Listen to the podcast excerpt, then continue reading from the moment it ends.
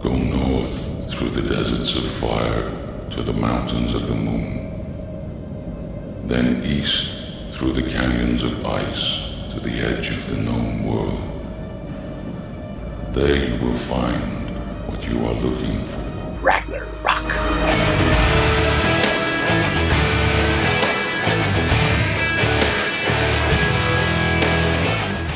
God kvöld, godt nutjar og velkommen til fyrsta Ragnarok i 2024. Brasilskur tungmamor er skronni i kvöldsens sending.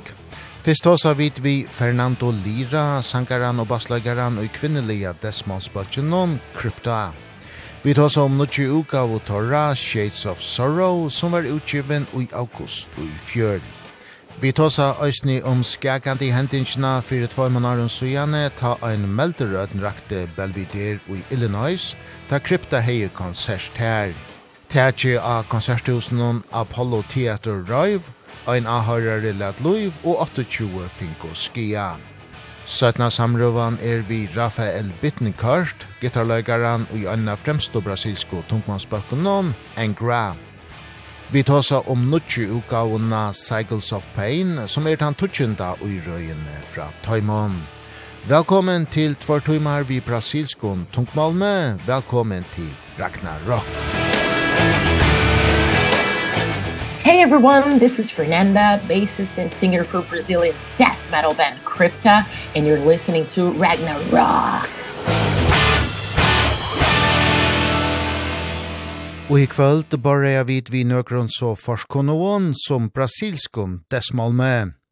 Kvinnebakkeren Krypta kom 5. august vi er i uka og søgne Shades of Sorrow. Og i som samband i havet finnes jo året av og bassleikeren Fernando Lira. Opprunnan til krypta finna vid i 2019 ta Fernanda Lira og trommoslovaren Guana Dametto som hadde spalt i bølgen non nervosa vil du røyna neka nøyt. Crypta is a Brazilian all-girl death metal band and uh, we were initially created by me and our drummer Luana as a side project uh, when we were still in our previous band in 2019 but then pandemic came you know lots of our, of our lives changed and we quit our previous band and decided to focus only on crypta and that's when we became more active with the band. And actually that's when the band was presented to to the general audience and public to the fans in in 2020 And then a little bit later in 2021 we released our our first album called Echoes of the Soul. Then we had to wait for a little bit to like for a whole year till the pandemic ended so we could start touring in 2022 last year. We did several shows ever since then. We did like Latin American tour, we did European tours and US tour. We played some nice festivals such as Vakin, which is every band's uh dream, you know, like and now we're getting ready to release our second album which is called Shades of Sorrow. It's going to be out in August and we can't wait for everyone to listen to it.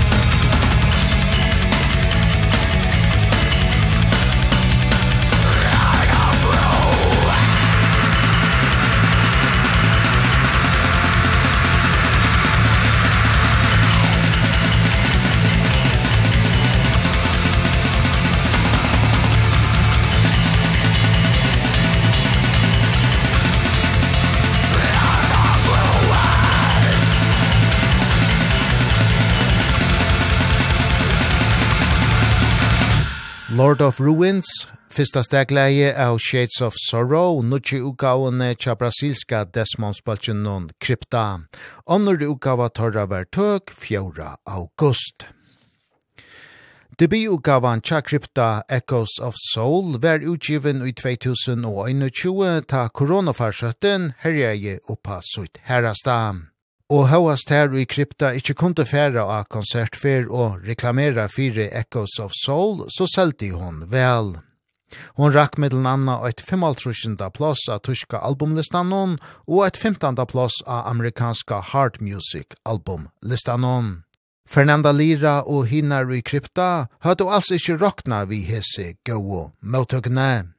Not at all. I mean, we work, we put a lot of work and effort into promoting echoes of the soul even though we could not tour uh, we just adapt uh, adapted to you know like what we saw other bigger bands were doing like doing lives and Q&As and and you know like posting a lot of video content to bring the you know like the fans closer to us since we could not be closer to them uh in the regular show environment. So we did a, everything we could do online to keep promoting the album like lots of playthroughs and videos on on the album and on the lyrics and everything. So I think this adapting to this new reality back then and being very active on social media, I think it contributed a lot.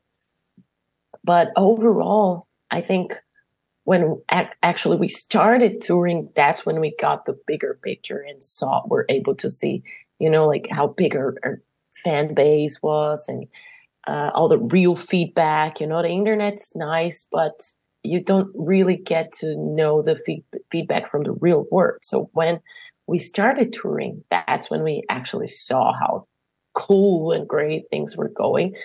But definitely we were not expecting i mean we were we put a lot of effort and work again on on echoes of the soul. We did our best to promote it. And whenever you do that you expect something back right? but we definitely didn't expect it would be things would go so fast with crypto. You know like it it it still it still surprises a lot to be honest. Like we still sometimes get to a show where we don't know how it's going to be. Like we're playing a new country for us or and we don't know how it's going to be and there's lots of people in the show and like people buy merch and people singing the songs. That this is something that's been happening a lot and still one sees to amaze me. So yeah, it's been just great. We we we were expecting to get such nice feedback eventually, you know, like because of the hard work and touring extensively, but it it's it all happened way faster than we were expecting. And we we were so we're still so happy about it. We keep on working a lot, but it makes it all easier to know that there's people out there to support you, you know.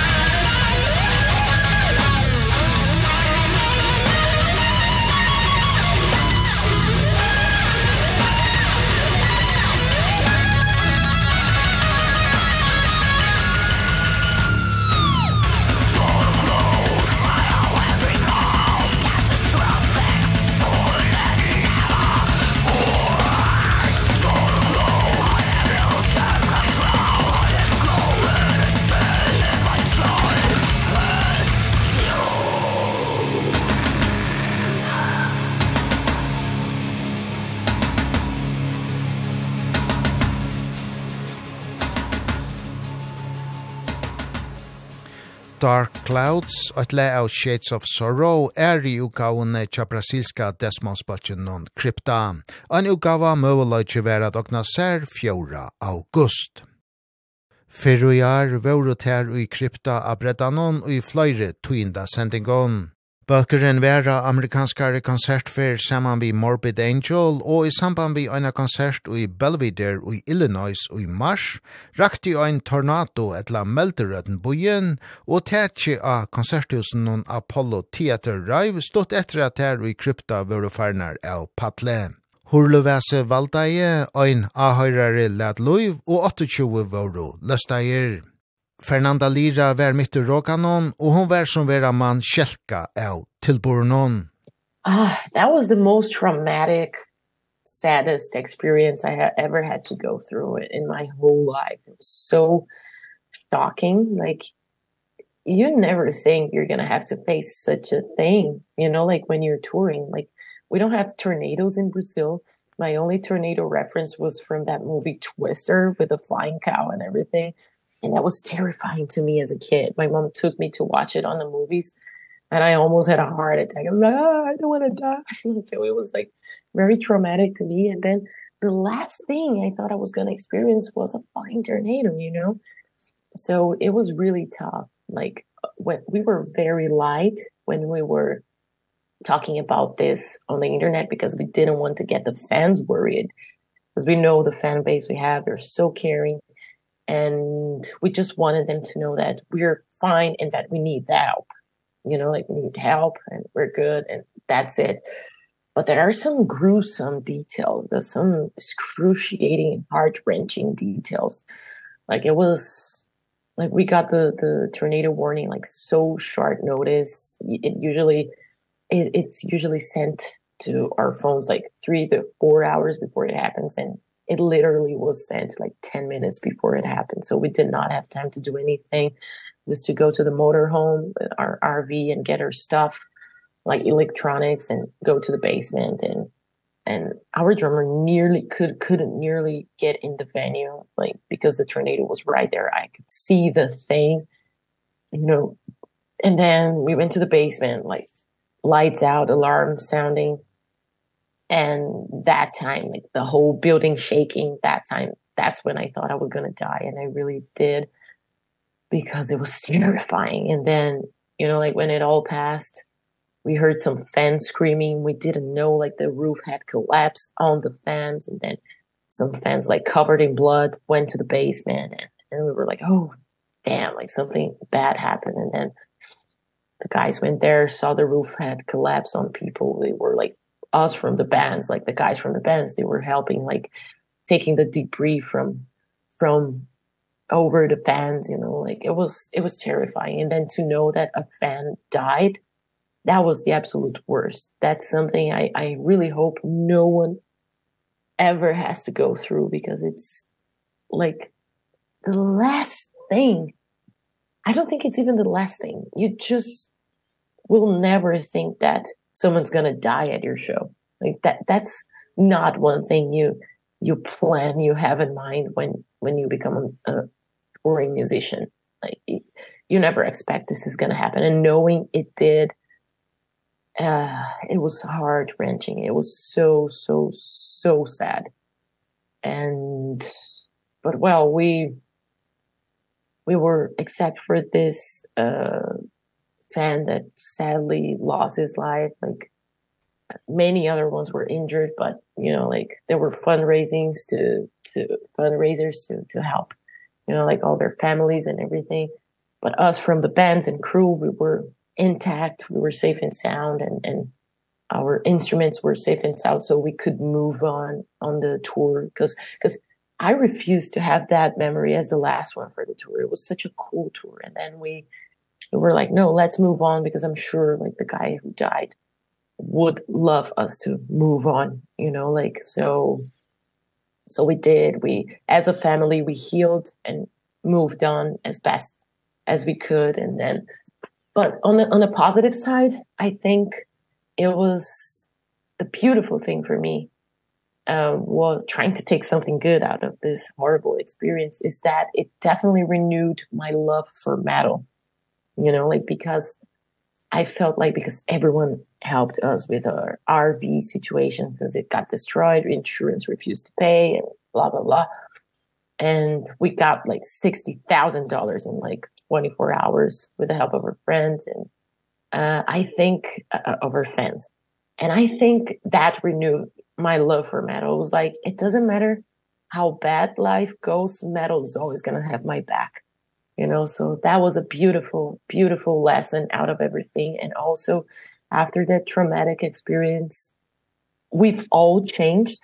No one is the same person as they were before that night. I'm sure about that. No one that was there on the tour. But to me it really changed something like it clicked something in my brain. And now i just want to live you know like i i just want to live. Cuz like for some seconds when i was down there in the basement and i hope and build building was shaking and we were in the dark screaming. I really thought i was going to die. You know i was like okay it's been a good life. But then after that i'm like yeah i need to leave. So i need to enjoy life you know like so these were the very positive things that came out of that horrible situation. But that was traumatic as fuck. I i wish no one ever has to go through anything like that. It was terrible.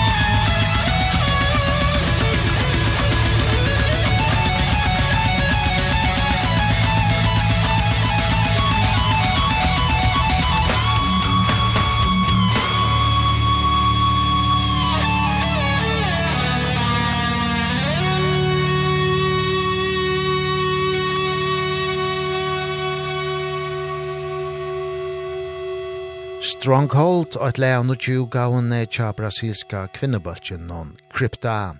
Annor utgava torra Shades of Sorrow ver tøk 4. august. Vi tåsa ui kvöld vi Fernando Lira, sangaran og baslagaran ui just krypta. And when, when did the process start working on Shades of Sorrow? I think a little after we released uh, Echoes of the Soul, we already started working on shades of sorrow because I was thinking that um we would still be for a long time in the pandemic. At least that was what was looking like you know back then. So i i told the girls i was like we should take this time that we're home and just working on promotion and write another album because then i knew when we started touring that it would be crazy you know? Like i knew it was going to be like very busy and probably very likely we wouldn't have a lot of time to work on songs. Or maybe we we would have to be working on on all the the the new album. But then it would be like way more stressful. We would be we would have to be like writing during tours and and stuff like that you know? Not the ideal uh, work environment for writing such a, an important thing like a new album. So I told them let's use this time that we're off to to finish writing and uh, to start writing another album and that's what we did. And then when we were back on the road, most of the album was written. I would say like 90% of the album was written. So that means the album is like roughly ready since I don't know like April, May last year. So, and then like with time and when it was like around till we actually finished it around like October when we were like giving the final touches and like final adjustments and then we just used like the other the other months like October, November, December to actually practice the songs cuz then in January this year we started um recording and everything. But yeah we finished writing it like early on. And it was a good thing because there was no pressure you know like on finishing the songs because that that can really affect the whole process. We were at home you know not chill because we were working a lot to promote echoes of the soul but still we would have more time for that so. Yeah. And how is is the writing process? Are you sitting together or are you sending ideas between you? Um we we all live in brazil but we live in different states like every girl lives in a different state. So it's nearly impossible for us to meet. We only get to meet when it's like before a tour and we need to do like rehearsals for this tour or we need to do like a promo shoot or whatever whatever appointment we needed to to we needed to together. We schedule it all for the same week we start touring so everyone's here and then we do it.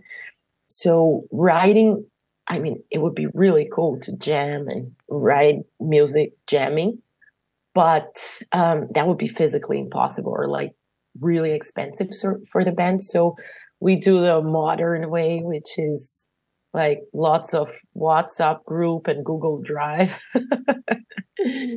I mean, and I'm thankful that exists today, you know, like otherwise it would be like way more complicated uh with how active the band is it would be like way more complicated. So we can work in the comfort of our homes and then we have like i remember we would have like at least two calls a week to discuss what we were writing and then lots of like we had a specific group for for writing our music and then we would discuss the ideas there and send files and everything and yeah, we actually only got to play the songs together I don't think we got to play the songs together for the new album to be honest.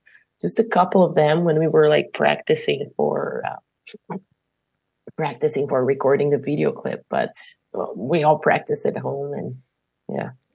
That's how we do it. That's how you got to do. Yeah, yeah. You know like Jessica Di Facci er nødgjør gitarleikari ui krypta. Hon avlasti ui fjør Sonju Anubis. Største parteren av toneløgjen noen A Shades of Sorrow var langt skriva vår ta Jessica kom og poi. Hauast detta hevur gitarløygaren sett så inne fingramerski av utgavene, helder Fernanda Lira. And Jessica, she is new in the band. Uh, what is her role on the new album? Was she in the, in the process or did it come after? Yeah, she came after. So um, her contribution is basically her solos because when she like when she got officialized in a band and at, at around October like the album was nearly done already. It's just like some adjustments here and there that needed to be done. So as soon as we finished the songs she was like we were open to get her feedback and do some adjustments here and there but she was happy with how the songs were and she decided to focus on what would be her like real window of you know like opportunity to sh showcase her talent and her skills which were her solos. So so she decided to focus like basic basically on the solos and that's what she did. Um and it's fine you know like we just wouldn't have the time to revisit every song with her and she was fine with that. But next album if everything goes right the four of us are going to be contributing because like the writing process for crypto is very democratic. So there's not one even song where like it's just one person writing. That doesn't happen. That every song has everyone's ideas literally. So and i think that's why the music is kind of varied. Like the songs are varied because it's just like a big cauldron of different influences and ideas. It's like everyone contributes at least a tiny beat on every song.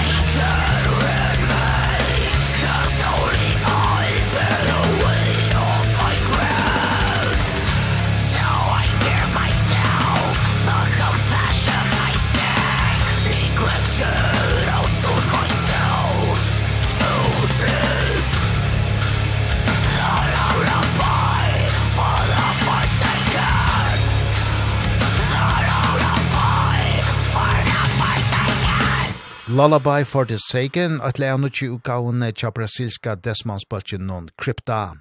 Onur ukawa torra, Shades of Sorrow, ver utgiven 4. august. Teir Fernanda Lira som skriver atlar tekstene tja krypta, og iblasteren til nukki ukauna hever hun funni i eldre dagbøkon søgnon. Og hon heldur òsni at autisama er en reier travor i jöknon Shades of Sorrow yeah, I my initial plan was that this album was a concept album, a fully concept album, but we did not have the time to actually do it the way my methodic brain wanted to, which was, you know, like connecting one song to another. So in the end it's a semi concept album, that's how I call it, because the songs they do tell a story, they do have, you know, like a a thought sequence and and and they all talk about the same thing in a way. So the theme basically it's a journey through you know like dark times a, a journey through experiencing the many shades of emotion and many shades of sorrow that sometimes we have to go through when we are navigating through complicated times you know? So uh sometimes we think that when we're suffering or when we are going th uh, through something that's really you know like uh heavy on us we think that there's only pain. But once we dive in we know there's many shades of pain many shades of sorrow and that's what what this album is about. So you're going to be you're going to find um songs that talk about anxiety about fear about rejection about anger about uh loneliness. So each song describes like a different shade of emotions, you know.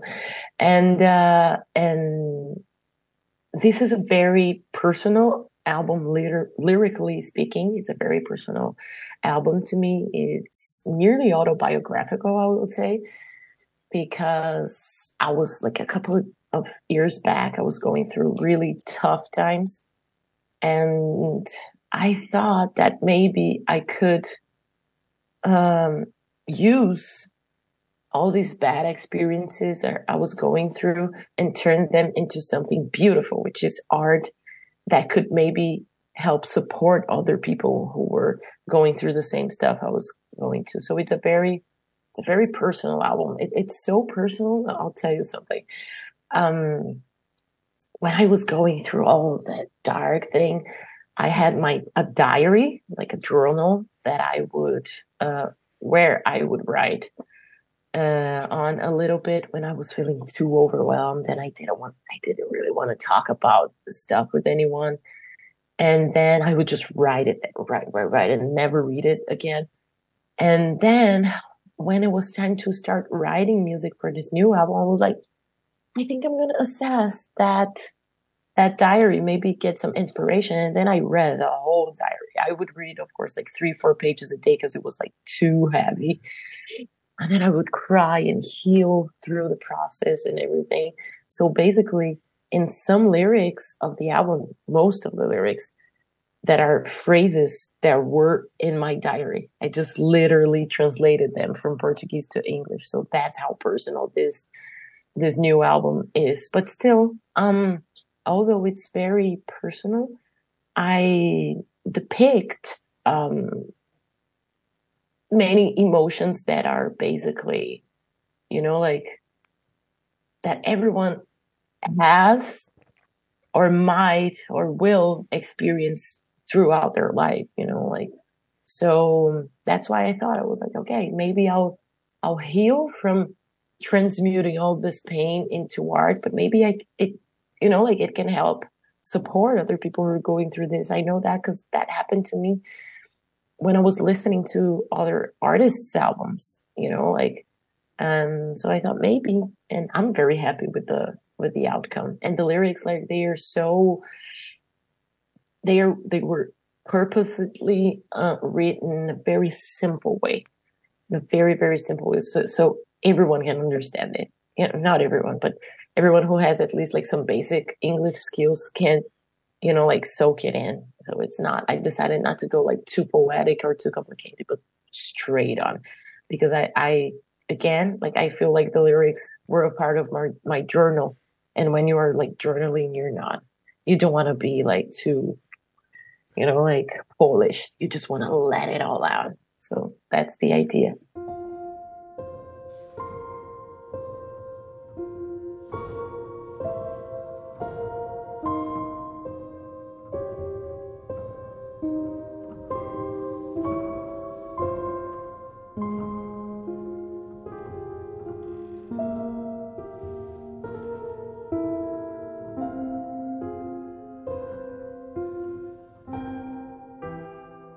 then there's some some beautiful instrumental pieces also on the album. Yeah, yeah, they were mostly I I mean the band had the idea that we really wanted to have intros and interludes and and outros like instrumental tracks. And Luana came our drummer came with most of those melodies and then we adjusted them to the concept of the album. So basically the first one it's it's more like a little bit more dramatic. Like it, it's kind of creepy because it's it it should be that state that okay you've been through you know a, a lot of things. Now you don't know what's the aftermath of everything you you went through you know like a traumatic experience. Like you don't know if what are the consequences you know like so you're kind of afraid you don't know. So that's the vibe of the aftermath.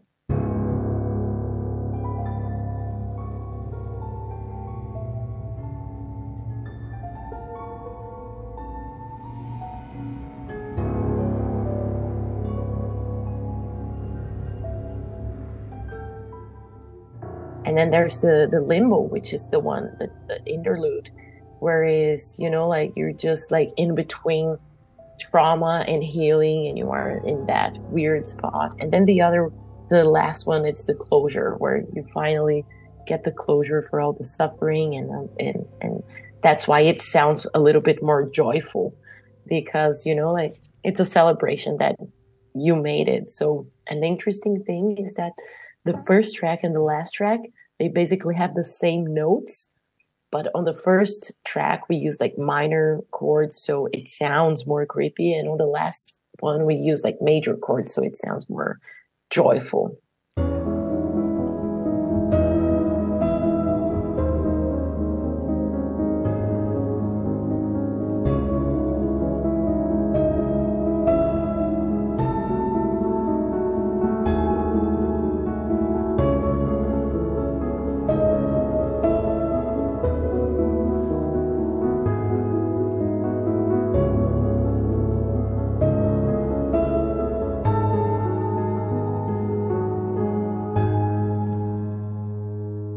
Instrumentala The Closure er seinasta leie av nutje utgavene tja brasilska desmonspaltjen non krypta. Shades of Sorrow var utgiven 4. august. Det er og nekrar av tungodronsjen non som hava steg i fire mixingene og masteringene av i er i utgavene tja krypta. Nevnelig Daniel Bergstrand som hever mixa og Jens Bogren som hever mastra. Og gesteren i kvöld, Fernanda Lira, er sera vel nøgt vi urslite tja svensko jo teknikaren hon. I think it's always important, but that's my personal point of view. Of course, I'm always open to to working with like uh new producers and everything, but since like apparently we can never get like a proper schedule because every time we're in the end we're going to have to rush for some reason I don't know there's always like little delays here and there. So I think because of this it's very important to work with highly experienced people because you know they're going to be fast you know they're going to deliver a good work you know? Like even if it's not close to what you want you know there's this safety that everything's going to be right because they're highly uh, experienced. So i think it's very important to have these big names and and and also I think it's very important for like promoting the album. I think having these these good um this like big names, I think it's important to serve as also also like good credentials for the album, you know, because like you know if those guys are involved, it's not going to sound bad. So I think it's it's good promotion, it's good credentials for for the album. And um there are a couple of things we would change in the mix here and there but i think that's mus musicians stuff. Like we always think it could have been like something else. And with the master it's the second time that we work with Jens Bogren and he's amazing. You know like he's really really good. And uh fast worker super nice. Like he's he's yeah, he's he's one of a kind and uh and you can't go wrong with him. He's like he's he's one of the biggest, you know, like so it was really really cool having them and also not to mention our producer, not to forget mentioning our producer. Um it was the first time we work we worked as a band with him. I had worked with him, with him in other projects like many many times and he was so good. His name is Rafael Lopez and he's Brazilian and wow, what a nice job he did. Super patient and everything. It was really really good. Og Fernanda Lira ser òsni an tónlaga lia Moon av Shades of Sorrow og debutgavene Echoes of Soul som var utgiven i 2021. Oh yeah, I think uh, although I love Echoes of the Soul and everything it it's brought to us as a band, I think Shades of Sorrow is a more mature album that's the word I want to use mature. It's not better or worse it's it's more mature.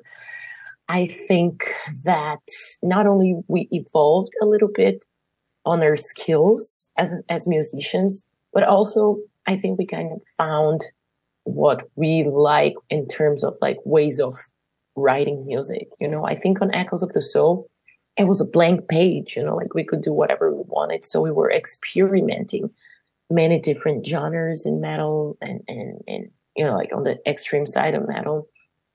And uh, it sounded more old school and everything which is good. I like it. But still we were trying to find what what is the crypto sound? What what crypto sounds like? What is the essence? And in shades of sorrow we already knew what was the essence because we knew you know like what fans liked what fans didn't like what were what were the things that really worked live you know like so we just took these elements identify them as you know like the essence of crypto like uh, melodies followed by more aggressive faster parts and everything and we kept them for the new album and then we from there we experimented lots of other stuff and and everything but from there you know so i think this album it's still crypto but it, i think it's more mature because now we know what how we want to sound.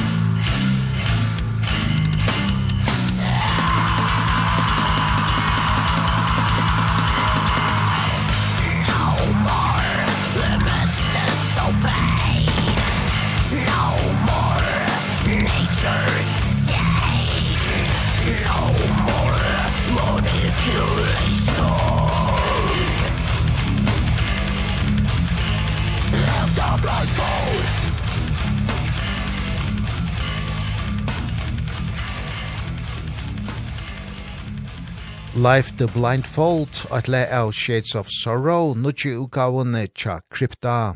Brasilske kvinnebakkeren kom 4. august vi eru utgavo søyne. Nu er Shades of Sorrow tøk, og framtøyen tja krypta ser bjørst ut, og der hava omikje agera kommande are, stafestor Fernanda Lira. We're going to be promoting basically the album. We're going to start uh the the first shows uh promoting the album would be in Brazil of course otherwise they, they would kill us. They're our, our biggest fan base of course. So we're going to start um promoting the album there with two shows we have as a support act for Ghost. So it's going to be like two nice release shows. And then we're going to be basically for this year we'll be basically touring Latin America. We're going to be um doing like Mexico and some dates in South America and also Brazil a lot. So yeah, it's going to be it's going to be basically it. And then for the next year, first semester, we're going to go to the US.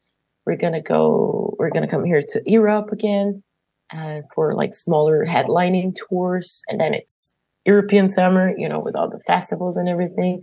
So next year it's looking like it's going to be a very busy year. You know, we got to do what we got to do to promote the new album. So basically, lots of touring, getting our music, our art to as many people as possible around the globe and live our dream.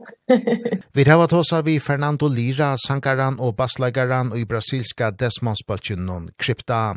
Vi tar oss av om Eri uka og torra Shades of Sorrow som var utgiven 4. august.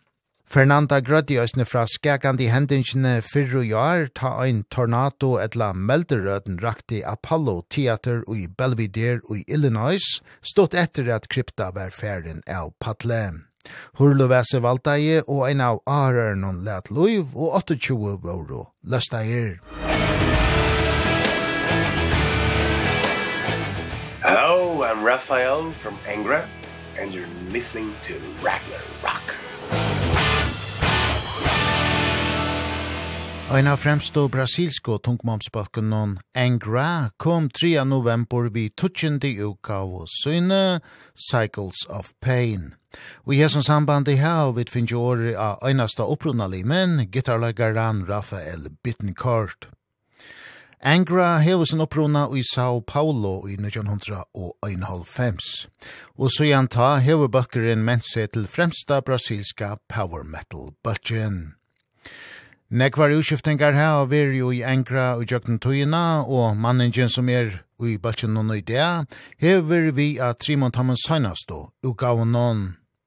Secret Garden fra 2014, Ømni som var utgiven i 2018, og så nokje utgavne Cycles of Pain, som overløyde vera dokna sær 3. november. Møtøkan av seg tøtjende utgavene hever veri ekvelia gau, og det er Rafael Bittencourt, sjølvande feien, om. Well, it's been better than we expected.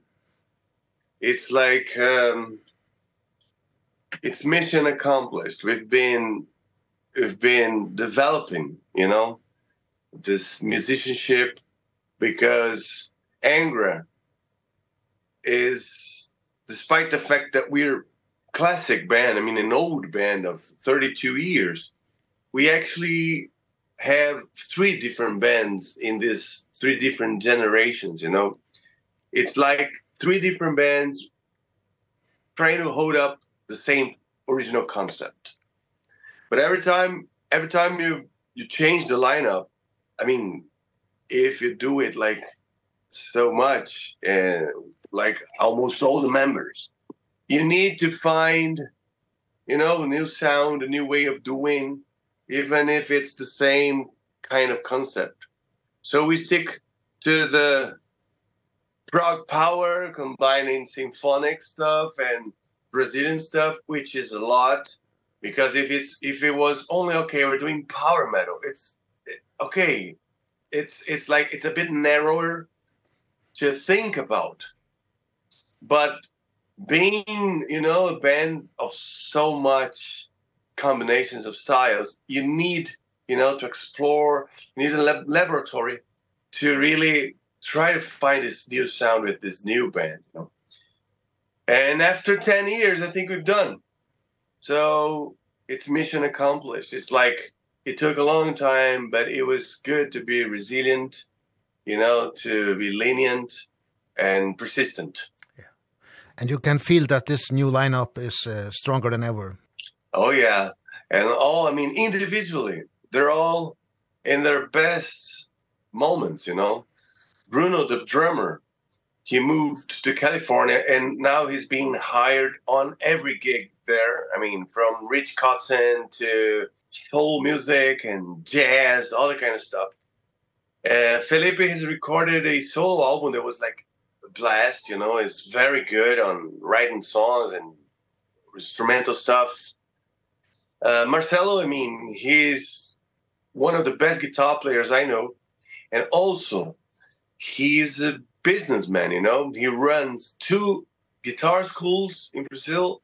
He has lots of guitar courses. He has a restaurant, a he has a he is a partner in a restaurant and um in a pub So he has this wide picture of what is the scene. Fabio is singing better than ever. He's a monster. And also myself, you know, I have my YouTube channel that's going very fine here in Brazil. I've practiced during the pandemics. I dedicated myself a lot to the guitar. So I think I've improved also as a guitar player. Yeah, we're all individually in a good moment and we have a good connection I mean, among ourselves, you know, we admire, we, we respect ourselves, we have friendship, we have bonds of friendship and partnership that are very strong. We're all facing the same direction, so I think this is important.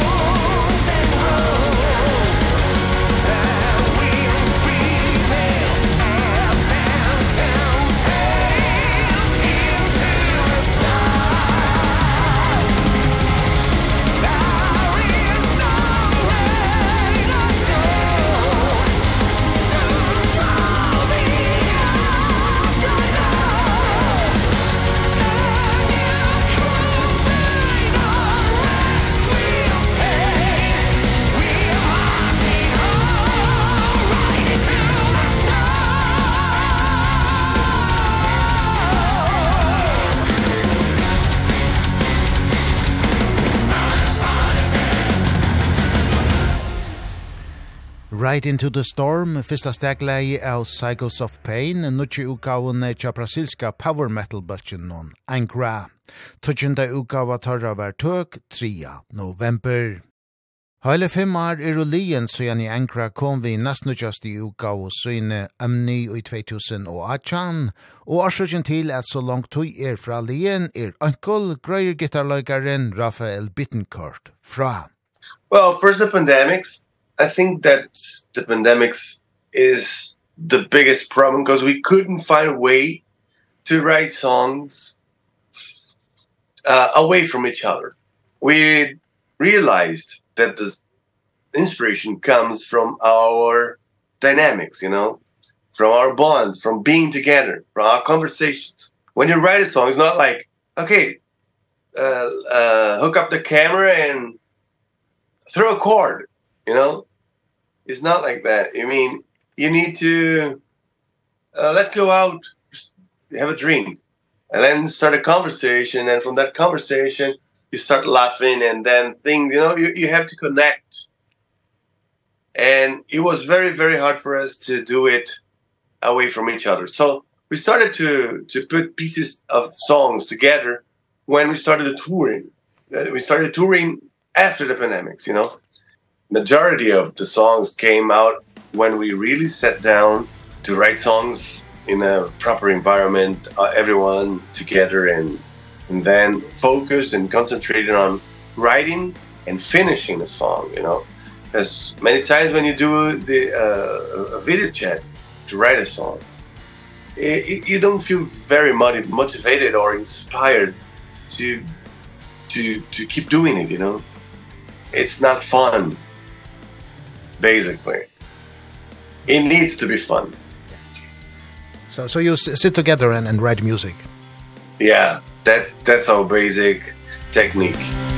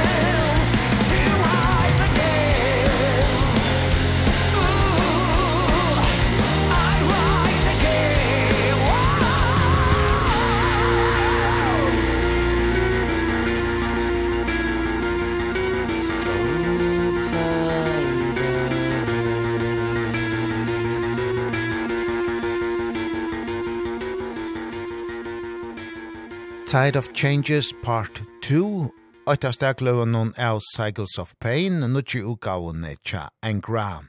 Brasilske power metal-bøkeren kom 3. november vi tutjen til utgave Syne. Tvert her undanfarne utgavunar Cha and Gra, Secret Garden og Amni er boar innspaltar ui Svörige. Hese fer valde tøyri i Ankara at gjer opptøknar i heimlanden om Brasil, og ta vera godt vel heldur gitarlegaren og stonaren Rafael Bittenkorst. Yeah, this is something I have always wanted, you know. We're all very busy with other stuff, so it's it's always good to be kind of close to home when you need to you know, to sort out some any kind of issues here. We are very much inspired by our own environment, you know. Basically, our inspiration comes from our Brazilian reality, as chaotic as it seems, you know. So it was good, yes. We've tried that once. We've done it in a few EPs, but we've tried that once and it never worked too well. Sometimes it was the studios that weren't too well equipped. Sometimes it was that we couldn't concentrate so much because we were we were here also connected to our problems, right? Um but this time it worked out well. Dennis was comfortable with the studios and stuff and everything went fine. Flurry Gestatonlagarar eru vi a Circle of Pain. Ein er brasilske fjöldestamaveren Lenini som lovteker Alanon Vita Seca. Lenini is a Brazilian guy. He's a Brazilian artist. He is a multi uh, Latin Grammy awarded. So he's a multi Grammy winner. And he's very very admired and respected here in Brazil. He's an important artist here in Brazil and we all in the band admire a lot his work.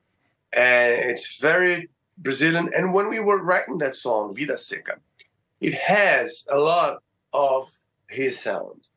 He has a lot of his own influence. So we said okay what if yeah it, it sounds very much like Lenini. What if we invite him? We we said well I mean the guy's busy and famous. Maybe he won't be willing to uh, we, uh, as we always say here in Brazil, the no is all we have. Let's try to look for the yes or the maybe. So we call him and with the no that we had already. and he said yes right on. He said we should we have we should have done this before because I also admire you guys. We uh, I know that you guys blend Brazilian music. So let's do it. So it was for the sound, for the image, for that connection.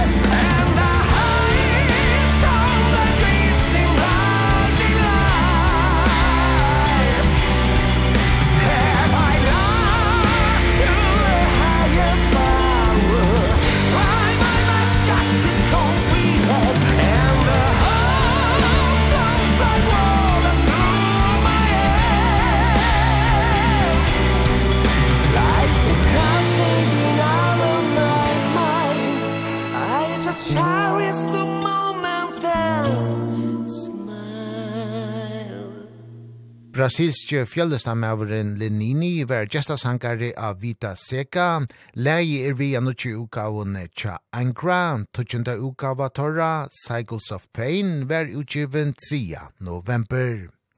Vi tar så i kvalt vi Rafael Bittencourt, gitarlagaran og stonaran av just Angra. What can you say about the lyrics? Are there a, a theme or, or, or a concept?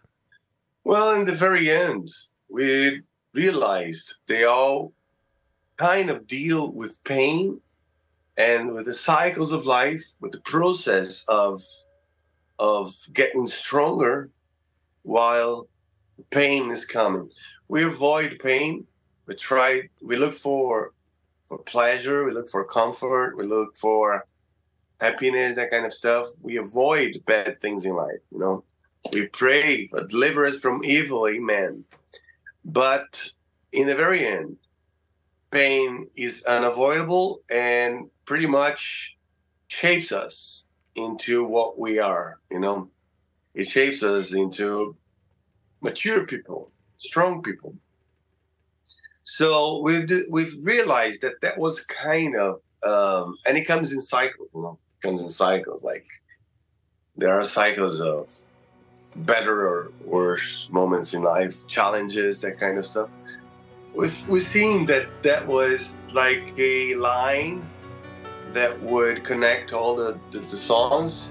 So we decided to have that as a title and also as a concept, as a basic concept.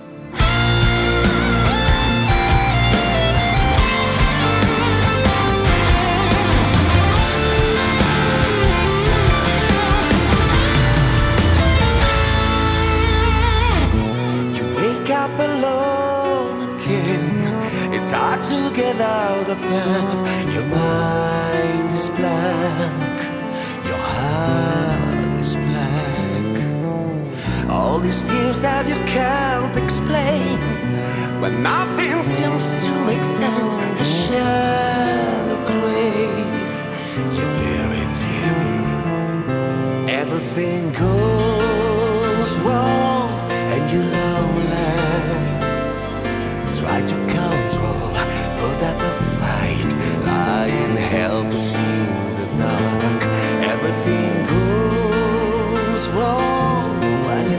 right. Taking your life Wanna make it right? Hide your tears. The battle of every day Pretend it's all gone away. The agony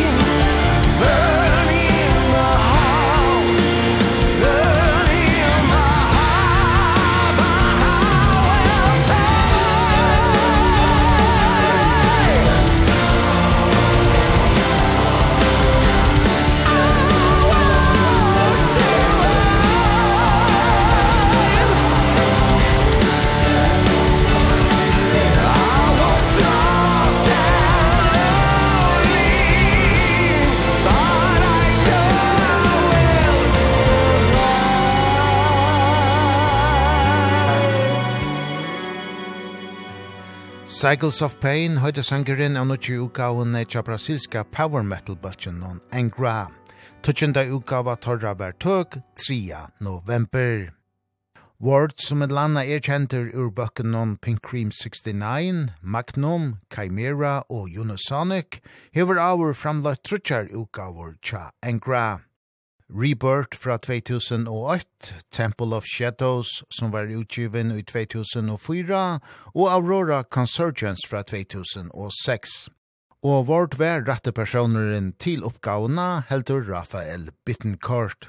Our music is very dynamic, you know. We like to work with soft parts that develop into epic parts, you know. Lots of sound, and then so all of a sudden everything is quiet with just a flute or a piano you know? We like that kind of um contrast in dynamics. And it's very hard to find that someone that understands that you know? Because either the producers they they are jazzy and they like soft sound and stuff you know? Or punchy punchy sound.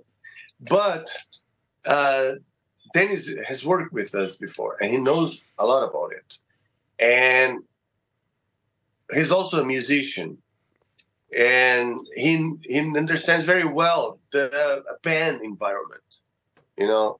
So he blends very well with the band like a sixth member and and so it's not only about the sound but the whole atmosphere he creates and on a very good mood and and smooth all the way through. Som our nevnt, så er det flere gestatonlagarar via Cycles of Pain. Alenon Tears of Blood, lutaka amerikanska Amanda Somerville og brasilska Juliana Di Augustini. And to get this uh, contrast and dynamic, you have a lot of, uh, guest musicians on the album. Uh, how did you choose these uh, musicians? Basically looking for the sound, their sound, you know, their voices, and also their personalities, you know? So Amanda Somerville, she's an American singer. She's been singing heavy music. She's been, you know, uh, she's been part of other bands and projects she has a voice a very flexible voice. She can be she can she can sound as a rocker she can sound as a musical musical singer she can sound as a more operatic if she wants. So for that song we needed that kind of voice. We needed i mean a little operatic and also more to the musical side but it would be cool to have a, a someone that, that has an image with the rocker fans and Fabio is a friend is friends with her. And it was I mean he connected with her he called her she said yes right on. It was like one of her first works after her pregnancy you know of two childs. So it's like for her it was good. She she said she was happy you know to be back in the business and stuff so it was it was good because she was very committed very dedicated on on on doing the best she can. So it was it was fun. And then comes uh Juliana D'Agostini. She's a piano player. She's very um famous in the um, classic music. And i wanted that song tears of blood to have a classic and dramatic piano on. And Juliana, I I make I I'm a friend with her.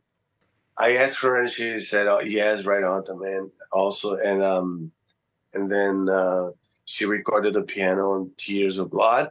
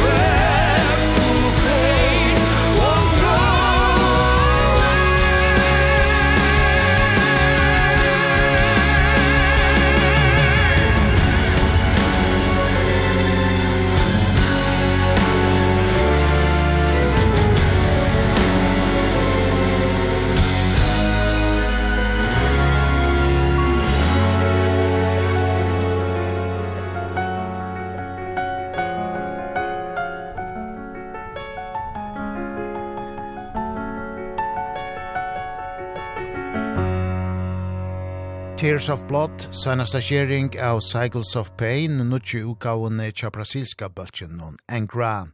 Tutsjenda utgava torra var tøk 3. november. Som gestatanlagarar har du vid amerikanska sankaran Amanto Somerville og brasilska klaverlagaran Juliano Di Agostini. Gestur i Ragnarok i kvöld er Rafael Bittencourt, stånaren av just Angra.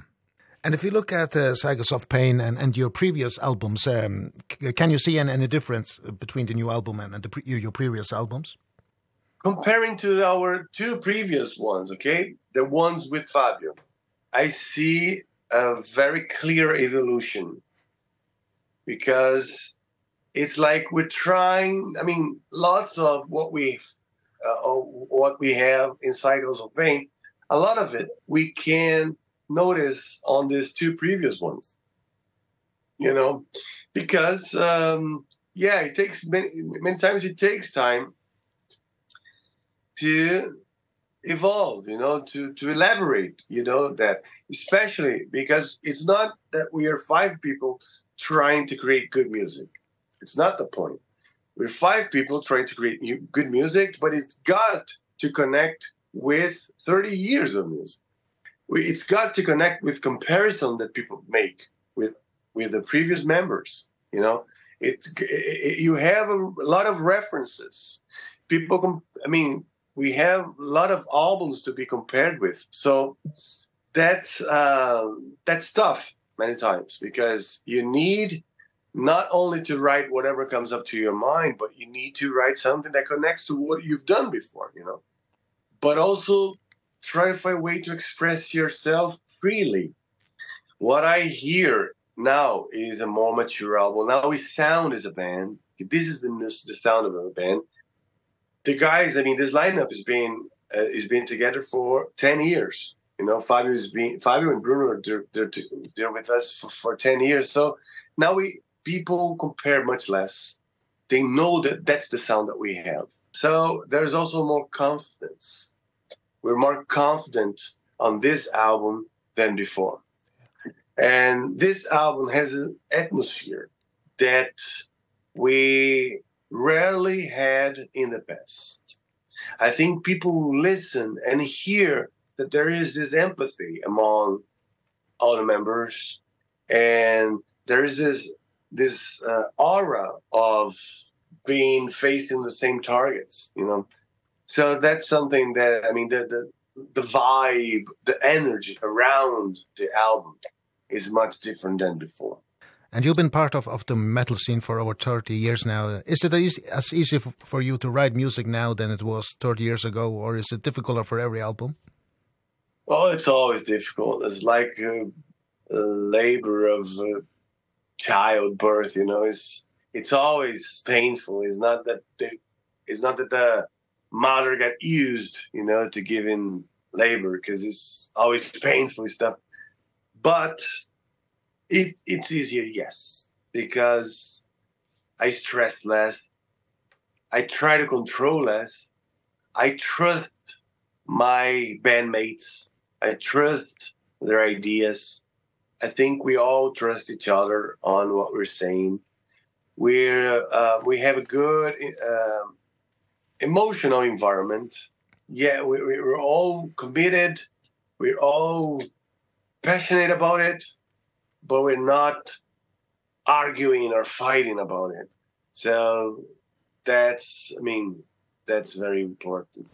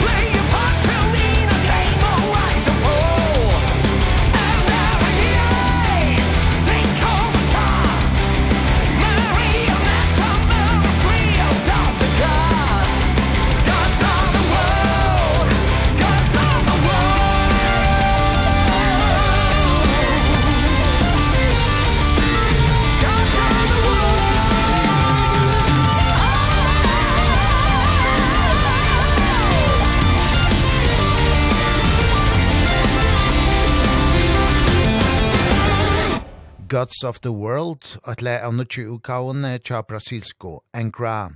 Cycles of Pain var utgiven 3. november. Vi renda vi øynon le avvise tutsjende utgavene tja brasilska power metal bøltjenon, og a Here in the Now, lutegur landskvinna torra Vanessa Moreno. And then comes Vanessa Moreno. Vanessa Moreno is an outstanding mus musician here in Brazil. She's not as famous as Lenini. She's also doing this cult Brazilian music. And but she's a great uh, guitar player, singer, songwriter. She's a great performer. She dances, she sings. So we all love her as a performer, as a songwriter. And so we wanted to create something to do together because we simply love her art. And uh so we did and it was and she's there.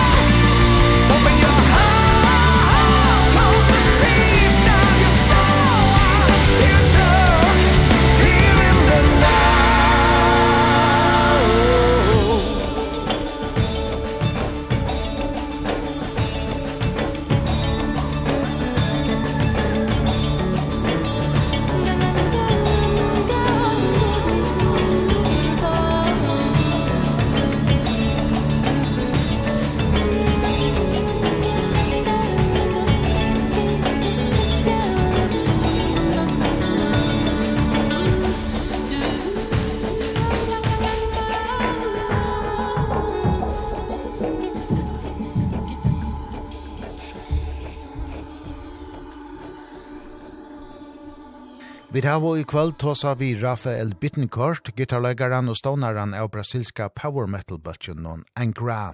Vi prata av om nukki uka av torra Cycles of Pain, som var utgiven 3. november.